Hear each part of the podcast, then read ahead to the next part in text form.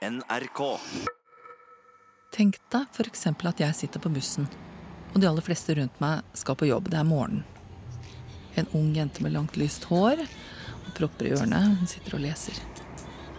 En dame i 30-40-årene. Hun snakker intenst i telefonen og holder hånda foran, sånn at vi andre ikke skal høre. Og en ung gutt i militæruniform. Han har svær bag på skulderen. Og ved siden av meg så sitter det en mann. En godt voksen mann. Litt skalla. Litt markante briller. Sånn midt i 50-årene, tenker jeg. Han sitter bare og kikker rett ut i lufta. Kanskje på vei til regnskapsjobben sin. Jeg tenker han har sikkert ikke tenkt én ny tanke på veldig lenge. Han har sikkert bare tatt denne bussen hver eneste morgen. Kommet på på den samme holdeplassen og gått av på det samme stedet nede i byen. Og antagelig gått på autopilot i livet for øvrig. Vi passerer Jernbanetorget, og så trykker han på den gule knappen. Han skal av bussen. Og da løfter han opp den store kontorveska si opp på fanget. Og så leter han etter brillehuset, og idet han skal ta av seg brillene og åpne brillehuset for å legge dem nedi, så åpner han vesken såpass mye at jeg med letthet kan kikke ned i den. Og nedi den veska så ligger det noe som gjør meg veldig forvirra.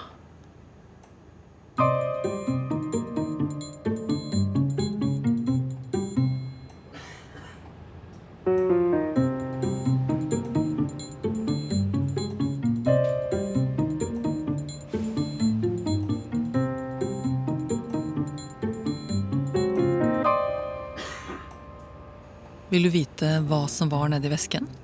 Det var ikke noe pinlig som kunne sette mannen i forlegenhet, eller noe jeg ikke har sett før som jeg ikke skjønte hva var. Det var noe jeg kjente, men eh, fra en helt annen sammenheng. Noe som minte meg om en annen tid, på et helt annet sted, og med et helt annet kjønn. Kraft. Kraft. Kraft. Han gikk av bussen, og jeg ble sittende og tenke, vil si jeg ble sittende og justere alt jeg hadde tenkt og fantasert om denne middelaldrende mannen. Han hadde noe i livet som kunne overraske meg. Jeg heter Kirsti Kraft, og jeg har lært at man ikke skal skue hunden på hårene. Det vil si, det lærte jeg da jeg var barn. Nå lærte jeg at man skal ikke tro at folk har sluttet å tenke nytt og gjøre nytt og hive seg på utfordringer bare fordi man er skalla. Men jeg, jeg, tror jeg kan lære noe nytt hver dag. jeg tror det. Men det er, ikke, det, er ikke, det er, liksom ikke det å lære nytt som er greia. Det er jo det at man er nysgjerrig på at det kommer litt gratis via at man er nysgjerrig. Han her, Jan Bøyum, han kunne vært en sånn mann på bussen. Det er ikke noe vilkår for en dag. Jeg krysser ikke av noen liste noe sted eller noe sånt, nei. Men nysgjerrigheten vinner ganske ofte? Eh, nysgjerrigheten vinner ganske ofte. Han er 55 år, og for et par år siden så startet han med noe helt nytt i livet. Jeg liker ofte å finne ut av hvis du hører noe, så googler du litt for å se, og så må du vurdere selvfølgelig om kilden er relevant. ikke sant? Det, det, kunnskap kan gå ut på dato, og så er det noe kunnskap som holder seg alltid. Så, men det er klart det er jo mest berømte i Norge er det å hoppe etter Wirkola, som plutselig ble å hoppe etter Ruccola, og så aner man ikke hva det går ut på. Og det er klart at der, der har man har man referansen, så er det gøy. Har man ikke referansen, så er det ikke fullt så gøy. For nå vet folk mer om ruccola enn om Wirkola? Ikke sant. Og det er jo litt komisk av og til, da. Og det blir jo sånn som det når man snakker om det med å få en bjørneklem, og i dag så er det en stor klem, ikke sant. Altså, det er jo ikke det. Det er jo uh, for de som har lest historie, så vet jeg at det går veldig dårlig når du får liksom en bjørneklem. da. At du blir litt knust. Enkelt. Han er bare helt artig mann og prater en masse. Og hvis det var Jan Bøhum jeg hadde møtt på den bussen, så er jeg sikker på oppi hans veske så hadde ligget et burda-mønster. Vet du hva det er? Gjør ikke noe.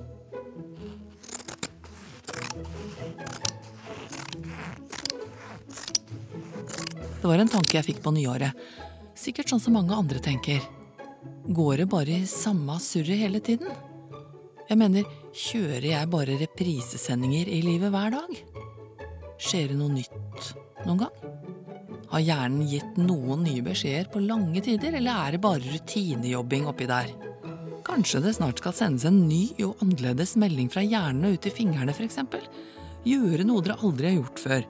Hjelp, sier fingrene. Hva er det du mener nå? Hvordan da? Skjønner ikke. Å, det går ikke, jeg får ikke til, jeg aner ikke. Kanskje det kunne friske opp systemet litt. Jeg satte på GPS-en, og etter et kvarter så var jeg hos Kaja Nordengen. Men vi skal innom Jan etterpå, han som har funnet på noe helt nytt i livet. Takk for kaffen, altså, forresten. Ja, det, det skulle bare mangle. Har du lagt merke til at jeg ikke drikker så mye? av Ja, jeg så det, men jeg tenkte at det var fordi du jobba. Men du har kanskje Har du en hvit periode? Å ja. Ah, det ringer det. Nei, det er eh, støvsugeren som begynner. Hæ? Det er støvsugeren som begynner. Fortell meg det der. Jeg kan vise deg. Så har vi en støvsuger som eh, støvsuger mens vi er på jobb. Og da sier han ifra at nå begynner han å støvsuge. Ja, Hvor se. er den nå? Ja, du ser den nå. Skal vi se. Hva gjør du nå? Nå setter jeg den på på appen, sånn at jeg kan vise deg. På mobilen?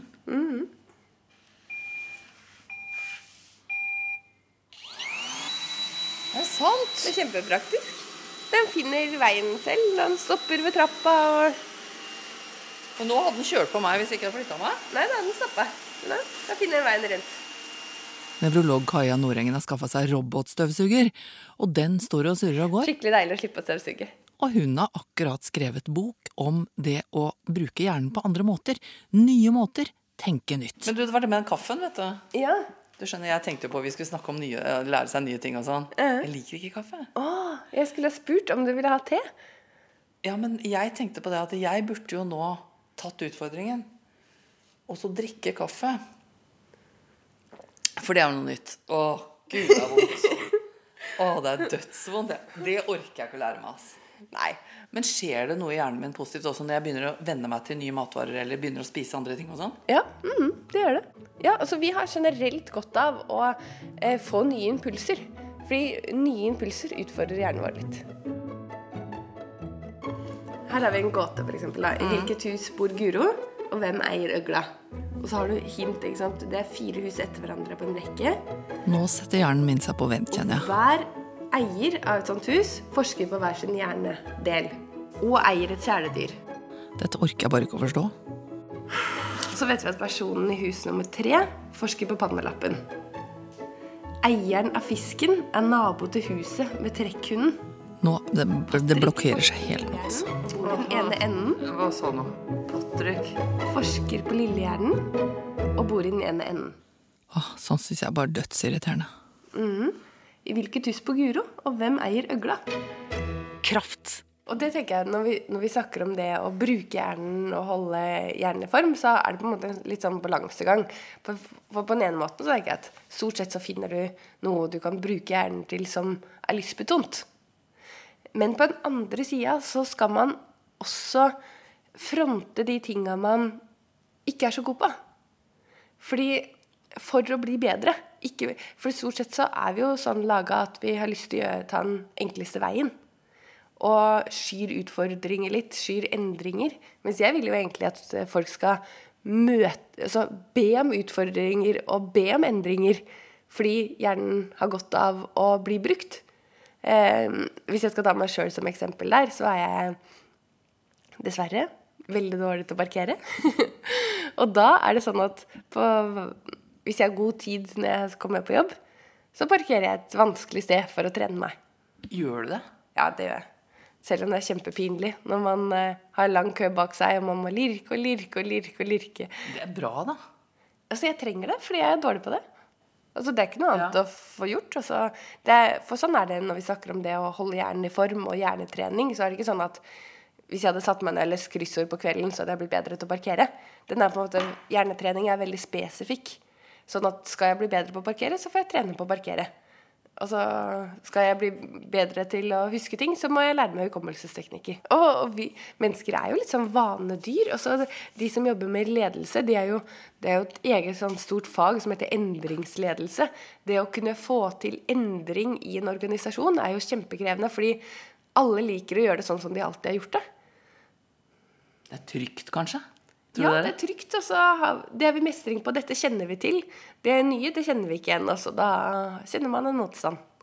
Man kan gjøre sånne store, grunnleggende ting som å ta utdannelse, ta et ekstra fag, lære seg et nytt språk, et instrument, sånne store ting, men som, som er bra for hjernen, men som det kanskje er litt for mange i hvert fall praktisk vanskelig å få til i en travel hverdag. Så man kan trene hjernen bare ved å bryte vaner. Og så man kan eh, man kan gjøre ting på en ny måte. Altså mange av oss har f.eks. et repertoar på kanskje 15 oppskrifter som vi varierer mellom når vi lager middag. Hva med bare ta en helt ny oppskrift med ingredienser du kanskje ikke vet hvordan ser ut engang? Og så må man lete litt ekstra i butikken, man må tenke seg om litt ekstra det med å lage maten. Man får en litt annen smaksopplevelse til middag. Og så bare det å gå litt ut av vanene, tenke litt nytt.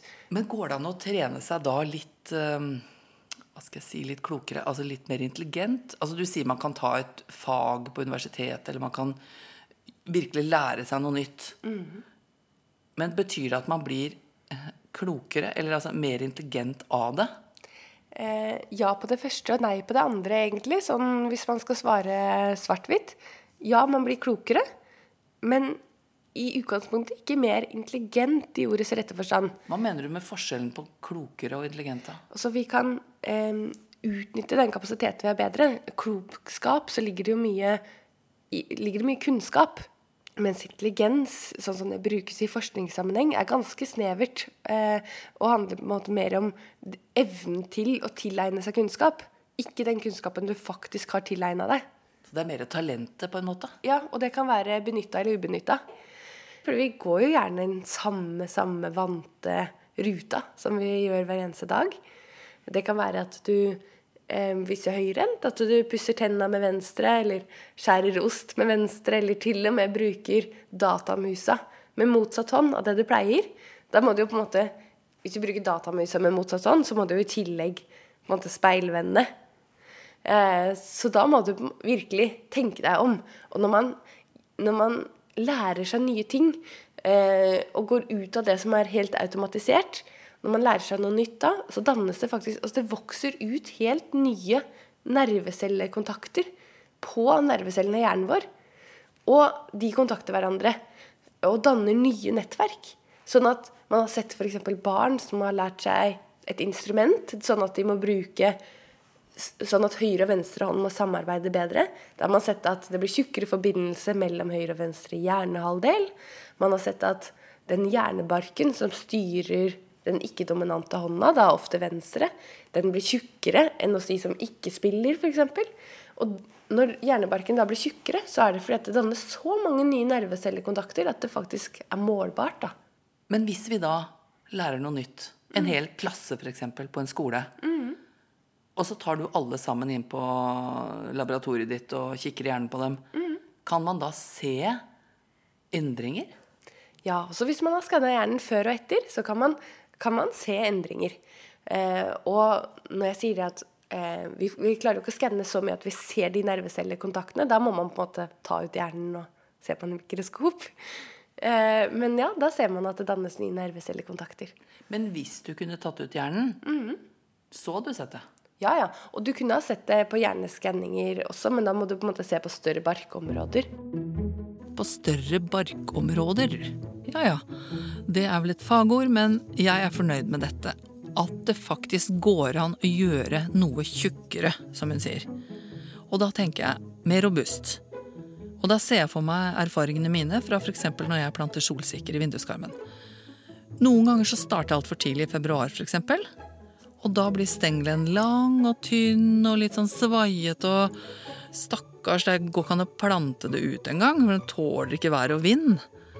Men hvis jeg planter på optimale forhold, på riktig tid, og jeg gir det masse lys og varme og øh, sånne ting, så blir stengelen liksom rett og fin og tjukk og solid på en måte. Og sånn tror jeg det er. Det blir liksom mer robust og solid og tjukke forbindelser oppi hjernen, og det er det vi vil ha.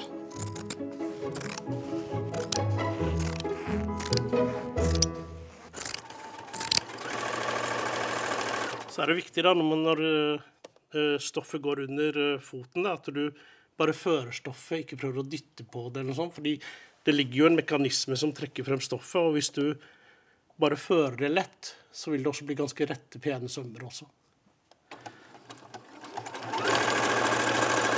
Kjører på full fart. Ja da, og så trenger du ikke å feste i enden heller, for den skal jo sys inn i en annen søm igjen senere.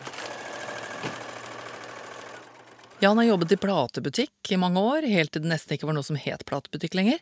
Og så har han jobbet med markedsføring og spist middag klokka fem hver dag. Og etter Dagsrevyen en dag, var en helt alminnelig dag, så kom det en åpenbaring inn i hodet på han.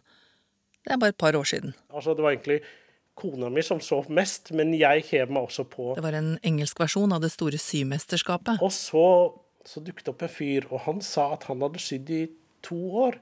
Og når jeg så hva han klarte med tilpasninger og sånn, så tenkte jeg at dette er noe for meg. Når jeg ser hva han får til i løpet av to år, da kommer jeg også opp på et nivå som er interessant. Så da tenkte du bare han jeg ser på TV nå, holdt på i to år, dette skal jeg også få til? Dette skal jeg også få til, ja. Og så hadde jeg liksom Det lå at jeg hadde lyst til å lære noe nytt. Jeg liker jo stadig å lære noe nytt. og så tenkte jeg at ja, sy klær, det kan jeg også få til. Og da kan jeg lage de skjortene jeg vil, med den tilpasningen da, som man trenger etter å ha vært glad i å lage mat.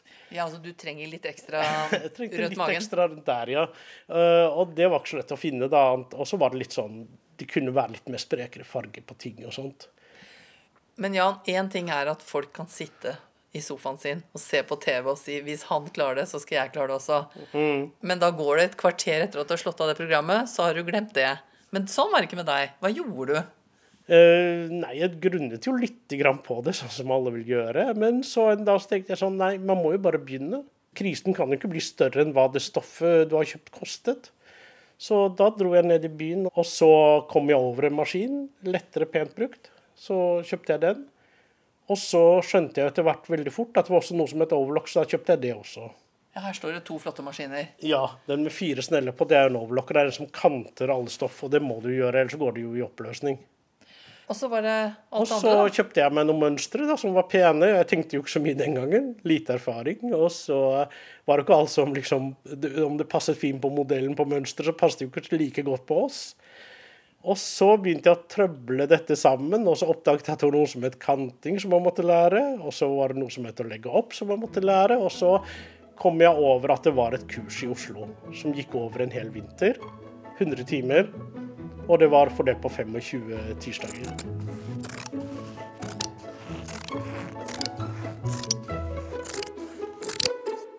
Men det, men det kan jo bli fort gjort sånn at eh, du starta litt, kjøpte en maskin og brukte masse penger på det, og eh, noen oppskrifter, og så ble det som sagt, som du sier, at det var ikke så enkelt. ikke sant? Du fikk ikke til å passe og sånn. Da er det mange som kutter ut. Det er da du skal fortsette. Det er da du skal fortsette. Fordi når du lager Jeg har helt klart lagd plagg som jeg har sagt at dette må vi bare kaste. Men før du gjør det, så må du jo eh, se på det. Og så må du tenke på hva tenkte jeg feil her? Hva gjorde jeg feil? Hvilke, hva er jeg ikke har tatt høyde for? Hvorfor strakk det der? Hvorfor ble det lang nok? Glemte jeg å måle lengden, f.eks.? Så du, jo mer du syr, eh, så vil du hele tiden også gjøre feil. Alle gjør det. Men det blir jo flere og flere veldig brukbare plagg, da. Så eh, Men du hadde ikke tenkt tanken for fem år siden? Nei, det hadde jeg ikke i det hele tatt. Og inspirasjon fra han som hadde drevet i to år, så var det det at det, jeg er jo ikke så til, tilbakestående, liksom, så dette burde jeg klare i løpet av et par år. Og så var det selvfølgelig å ha masse energi og sy og sy og sy og sy. Du måtte prioritere å jobbe med det. sitter og drikker kaffe med dem, så syns du det mennesket er ganske hyggelig. Istedenfor at du da lytter ordentlig etter hva det mennesket sier, og har kanskje gode argumenter på sin side, så går du inn i en sånn fastlåst sånn greie. 'Å ja, hva var det jeg mente om dette igjen?' 'Ja, jeg mener det, ja. Da skal jeg ikke tenke mer på det.' Og så bare skyter du tilbake med de samme argumentene. Men jeg tenker, tenk om vi noen gang hørte noen som endret seg i løpet av en samtale med noen. Ja. At jeg f.eks. Sa til deg Du overbeviser meg faktisk. ja. At, nei, når du sier det sånn Det hadde vært kjempegøy å høre på radioen, f.eks. Ja, ja det, er jeg, det er jeg helt enig i. At det skjedde noe liksom i hjernen på folk. Ja. Det, det skjer jo ikke mye når du bare lirer av deg det du har tenkt alltid. Nei, men det tenker jeg at det er kanskje noe vi ville ha sett i samtaler mellom gode venner, heller i en politisk debatt, da. Men betyr det at det ville være bra å, i en samtale med folk, da, gode venner f.eks., å jobbe med sine egne holdninger? Altså på samme måte tenke hjerneutvikling når man er sammen med folk? Ja, ja, absolutt. Og det har man jo også sett på i forskninga. Og så jeg tenker at Hvis du går inn i en samtale og er, er åpen og på en måte eh, virkelig diskuterer og virkelig ikke nødvendigvis bare har bestemt deg på forhånd, men at man kan diskutere og veie for og imot, det tenker jeg at det vil jo bidra til å gjøre en samtale intellektuelt utfordrende. Så når folk sier sånn Ja, jeg er litt på glid i en sak, så er det kjempebra, egentlig. Ja, når, når vi tenker nye tanker og vi eh, jobber med oss sjøl, så, så vokser det i hjernen vår. Hvis du vanetenker, da. Å nei, nå skjer det igjen, liksom, og tragisk. Så prøv å ta seg sjøl i det og tenke Kan jeg tenke annerledes på dette? Ja, ja absolutt. Og nå, vi snakka jo om endringsledelse, da. Det at man hvis, man hvis man har blitt bevisst på at Oi, jeg er en sånn person, jeg, som, eh, som er motstander av alle endringer. Eh, jeg har egentlig lyst til å være en person som eh, som kan se på ting med nye, et nytt blikk og nye briller, og kanskje kan det være en forbedring. Og hver gang, hvis det kommer da en endring, og man tenker Åh, hva er det hun kommer drassende med nå, da? Ikke sant? Så kan man heller stoppe på Åh, hva er dette? Kanskje kan det effektiviseres sånn som jeg gjør. Kanskje, kanskje kan det gjøres bedre. Så bra det er for meg. Det er jo bra for hjernen min, det er bra for måten jeg jobber på, det er bra for resultatet. Vi prøver. Vi prøver. Det er ikke så enkelt da, bare hive seg på nye utfordringer som du ikke har bedt om. Nå er du kjempeoffensiv, kjente jeg. Og da tenker jeg, hvis man hele livet har vært sånn Å, jeg vil ikke ha forandringer. Så må man kanskje si litt sånn um, Ja, nå tenker jo jeg dette er grusomt, og endring er fryktelig, og dette vil jeg ikke være med på. Men eh, kanskje jeg skal prøve bitte litt å tenke annerledes. Så det er litt vanskelig, men jeg får det kanskje til. Nå skal jeg tenke kanskje jeg kan lære noe Du vet, du vet hva jeg mener? Absolutt. Altså Hjelpe seg selv litt i det, for det er jo krevende prosesser, dette her. Ja, det er krevende prosesser. Og jeg tenker at hvis man prøver det, da, og så snakker man med kollegaer, og istedenfor å på en måte stå ved kaffemaskina og tenke åh, ja, er det ikke fælt det de skal ha oss til å gjøre nå? Og så kan man heller, selv om man kanskje syns jeg er litt fælt så Og kan- skummelt. Og skummelt. Så kan man kanskje prøve å være positiv til arbeidskollegaen, så kanskje du kan vri hele holdninga til kollegaene dine også. Noen ganger er jo endringer dumme. Det må vi jo bare innse. Ja, ja, det er klart. Det Det er kan lov å være det. imot det. Men det er noe med mønsteret, kanskje? Ja, det er noe med mønsteret. Det er noe med at vi alle sammen, om det er på jobb eller andre steder, har en tendens til å like det vi kjenner og det vi pleier å gjøre best. Men du, det samme gjelder jo når man eventuelt skulle miste en jobb. Ja. Stå på bar bakke. Mm, begynne på nytt, ja. Det syns vel du kanskje er veldig bra, du, for da, da må virkelig hjernen jobbe kraftig med å tenke hva kan jeg bruke til, og hvor kan jeg tenke annerledes, og hvor kan jeg jobbe? Det må jo være en sånn høysesong for eh, å utvikle For- hjernen. Og så, jeg tenker at Man kan benytte seg av alle sånne eh, overganger i livet også. På en måte Stoppe opp litt og tenke altså, Hva kan jeg gjøre for å ikke, ikke bare at liksom, kroppen skal bli bedre, men også hjernen skal bli bedre. Ja, du mener sånn f.eks. når man eh, tar seg på tak og sier at eh, et nytt år, f.eks. Da nå skal jeg begynne å trene, og nå skal alt bli så bra. Eller man flytter til et nytt sted. Ja. Det er jo en gyllen mulighet når du flytter på et nytt sted eller bytter jobb. Men jeg tenker også av de som blir boende på samme sted i årevis, at de også på en måte må stoppe opp innimellom og tenke Hva kan jeg gjøre for hjernen min for, for å på en måte lære noe nytt? Nå er jeg, jeg er ferdig med utdannelsen, kanskje. Jeg har fått med den jobben jeg vil ha. Men det å på en måte fortsette å utfordre hjernen. Ikke stoppe opp med det bare fordi at man er ferdig utdanna. Hvorfor skal vi fortsette å utfordre hjernen? Fordi hjernen har godt av det. Men trenger hjernen trening? Jeg mener, Hvis man bare er sånn vanemenneske, da, gjør det samme hver eneste dag og ikke tenker så mye på ting og slapper av og ser på TV, svinner hjernen hen, eller? Ja. Nei. Det- Så du mener det faktisk at, at hvis jeg ikke gjør dette her, så det skrumper hjernen, liksom? Eh, Man trenger å bruke hjernen for at eh, For å holde den ved like, og også for å kanskje gjøre den enda bedre. Og da hjelper alle disse småtingene. Da hjelper alle småtingene. Kraft. Kraft. Jeg er ikke interessert i at hjernen min skal skrumpe eller stagnere eller mistrives, eller hva man kan kalle det. Jeg vil ha luft i luka, gjennomstrømning, friskt blod, tjukke forbindelser. Så da må jeg iallfall begynne å gå en ny vei til jobben, eller smake på artisjokk. Ja, kanskje ikke artisjokk, da, men noe annet som er vondt. Kraft. Kraft. Jeg heter Kirsti Kraft, og jeg er tilbake med en ny podkast. Før du aner adressen er kraft, krøllalfa, nrk.no.